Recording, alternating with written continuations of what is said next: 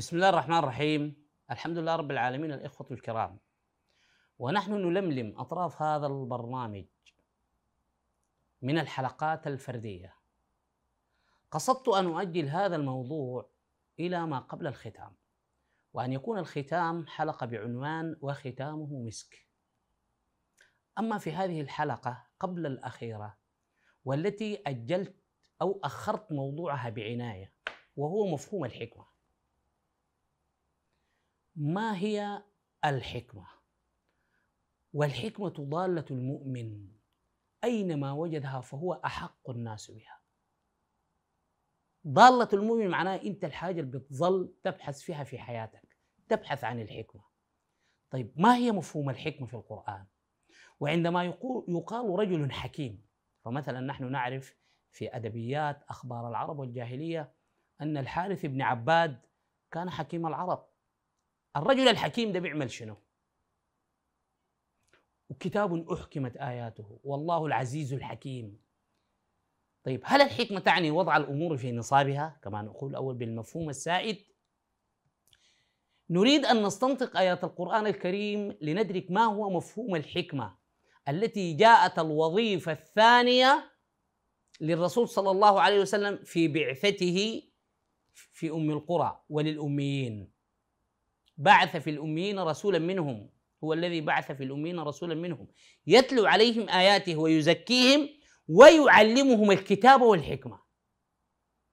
يعني التعليم الكتاب جاء مرتبط بالحكمة. ولا يمكن أن تجد أن الحكمة مرتبطة بالقرآن. يعني ما تجدها مع لفظ القرآن.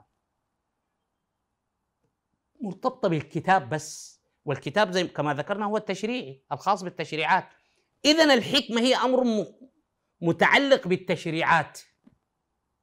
لأن الحكمة هذا لا يعني أن مثلا بقية النصوص القرآنية من آيات الإعجاز الكوني والآيات التي تتحدث عن قوانين الطبيعة أنه ما فيها حكمة. لا بس هي الحكمة بتاعتها ليست بالسهل أنه يدركها لأنها تخضع للبحث العلمي. فمثل إذا قلت لك والقمر قدرناه منازل حتى عاد كالعرجون القديم فلا الشمس ينبغي لها أن تدرك القمر ولا الليل يسابق النهار وكل في فلك يسبحون. قلت لك الحكمة من الموضوع شنو؟ لا يمكن أن يدركها ابن عباس. مستحيل يا جماعة لأنه ده موضوع علمي داير بحث. لا يمكن مثلا لابن عباس رضي الله عنه وعبد الله بن مسعود أن يدركوا الحكمة من هذه الآية. قد ما يفهموها أصلا.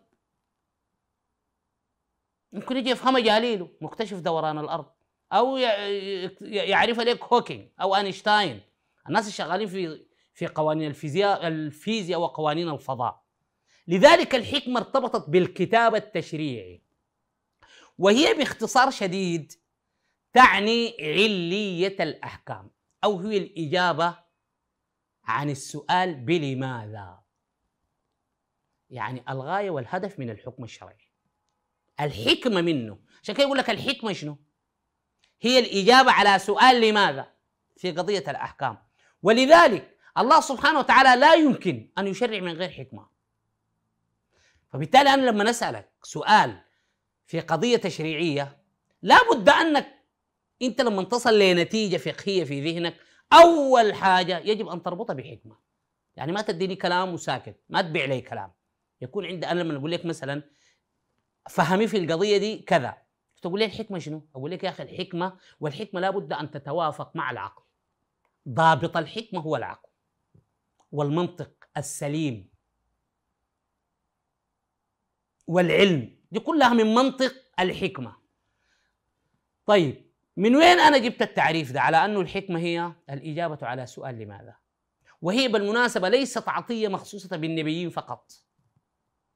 هي عطية يمنحها الله سبحانه وتعالى لمن يشاء من عباده. لذلك أنت ممكن تسعى لها تسعى أنك تكون حكيم. أو تدفع هذه العرابين ويمكن لله سبحانه وتعالى أن يمدك بالحكمة يؤتي الحكمة من يشاء. ومن يؤتى الحكمة فقد أوتي خيرا كثيرا. وهي التي تتم بها ممارسة الدور النبوي مع القرآن الكريم. ما هو ليه ربنا بيديك ليها؟ عشان تمارس الدور النبوي. فالنبي عليه الصلاة والسلام انتقل للرفيق الأعلى. لكن ممارسة الدور مع القرآن ما انتهت. هي تمارس عبر الحكمة. الآن نأتي إلى هذه الآيات من سورة الإسراء. ونرى هل فعلا الحكمة تعني الإجابة على سؤال لماذا؟ أو هي تعني الهدف والغاية من الأحكام والله لا؟ قال تعالى ولا تجعل يدك مغلولة إلى عنقك ولا تبسطها كل البسط فتقعد ملوما محسورا. إن ربك يبسط الرزق لمن يشاء ويقدر لمن يشاء ويقدر. إنه كان بعباده خبيرا بصيرا. ولا تقتلوا أولادكم خشية إملاق نحن نرزقهم وإياكم. إن قتلهم كان خطأ كبيرا. ولا تقربوا الزنا إنه كان فاحشة وساء سبيلا. ولا تقتلوا النفس التي حرم الله إلا بالحق. ومن قتل مظلوما فقد جعلنا لوليه سلطانا فلا يسرف في القتل. إنه كان منصورا. ولا تقربوا مال اليتيم إلا بالتي هي أحسن حتى يبلغ أشده. وأوفوا بالعهد إن العهد كان مسؤولا. وأوفوا, اللي وأوفوا الكيل إذا كلتم وزنوا بالقسطاس المستقيم ذلك خير وأحسن تأويلا. ولا تقف ما ليس لك به علم إن السمع والبصر والفؤاد كل أولئك كان عنه مسؤولا. ولا تمشي في الأرض مرحا إنك لن تخرق الأرض ولن تبلغ الجبال طولا. كل ذلك كان سيئ كان سيئه عند ربك مكروها ذلك مما أوحى إليك ربك من الحكمة. هنا موضع الاستدلال. ذلك يتحدث عن السياق كامل. ذلك مما أوحى إليك ربك من الحكمة. طيب السؤال ليه السياق ده ربنا سماه أو أخبرنا على أنه من الحكمة الموحى إلى النبي عليه الصلاة والسلام؟ إذا الحكمة هنا ما نص مستقل يا جماعة. الحكمة دي ما نص خارج القرآن لا موجودة داخله. فالسؤال لماذا خصص هذا السياق وعرف على أنه الحكمة؟ يا جماعة كله سياق معلل. جميع الأوامر والنواهي فيه مرتبطة بعليتها. كل عبارة عن نواهي وأوامر مرتبطة بحكمة طوالي معللة. مديك السبب؟ اللي هو مثلا ولا تجعل يدك مغلولة إلى عنقك ولا تبسطها كل البسط. هذا هو النهي. ده النهي الإلهي. طيب ليه؟ ما نحن قلنا الحكمة هي مرتبطة بسؤال لماذا؟ لماذا؟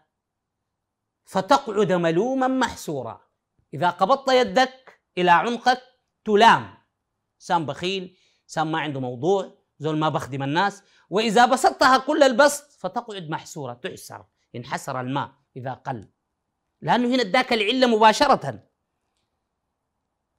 ولا تقتلوا أولادكم خشية إملاق. ليه؟ لماذا؟ نحن نرزقهم وإياكم. طبعا هذه الآية آه، سنذكر في حلقات سابقة على أنها تتحدث عن قضية قد لا يعني يفطن لها الآخرين. هي تتحدث عن الإجهاض إمكانية إجهاض الجنين المشوه. كما سنأتي إلى هذا هذه الحلقة أو إلى هذا الموضوع تحديدا في الحلقات المقبلة إن شاء الله.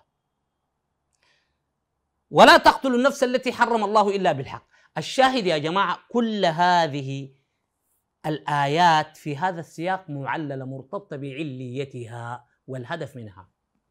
لا تمشي في الأرض مرحا. لماذا؟ إنك لن تخرق الأرض ولن تبلغ الجبال طولا. لا تقربوا مال اليتيم إلا بالتي هي أحسن حتى يبلغ أشده.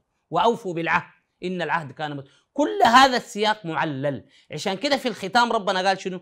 قال ذلك مما أوحى إليك ربك من الحكمة. إذا يا جماعة هذا هو مفهوم الحكمة. فالحكمة هي ضالة المؤمن أينما وجدها فهو أحق الناس بها. فهي الترمومتر والمعيار اللي بيضبط لك النتائج اللي أنت بتتحصل عليها من خلال تدبرك للقرآن الكريم. يعني ما تخل المعيار والمؤشر بتاع الحكمة يغيب عنك. ما تخلي الترمومتر ده طوال يستصحبك كل ما وصلت للنتيجة ضع هذا الترمومتر هذا المقياس. هل فيه حكمة؟ أم لا؟ أحبتي الكرام إلى أن ألتقي بكم في الحلقة القادمة. أترككم في حفظ الله ورعايته. السلام عليكم ورحمة الله تعالى وبركاته.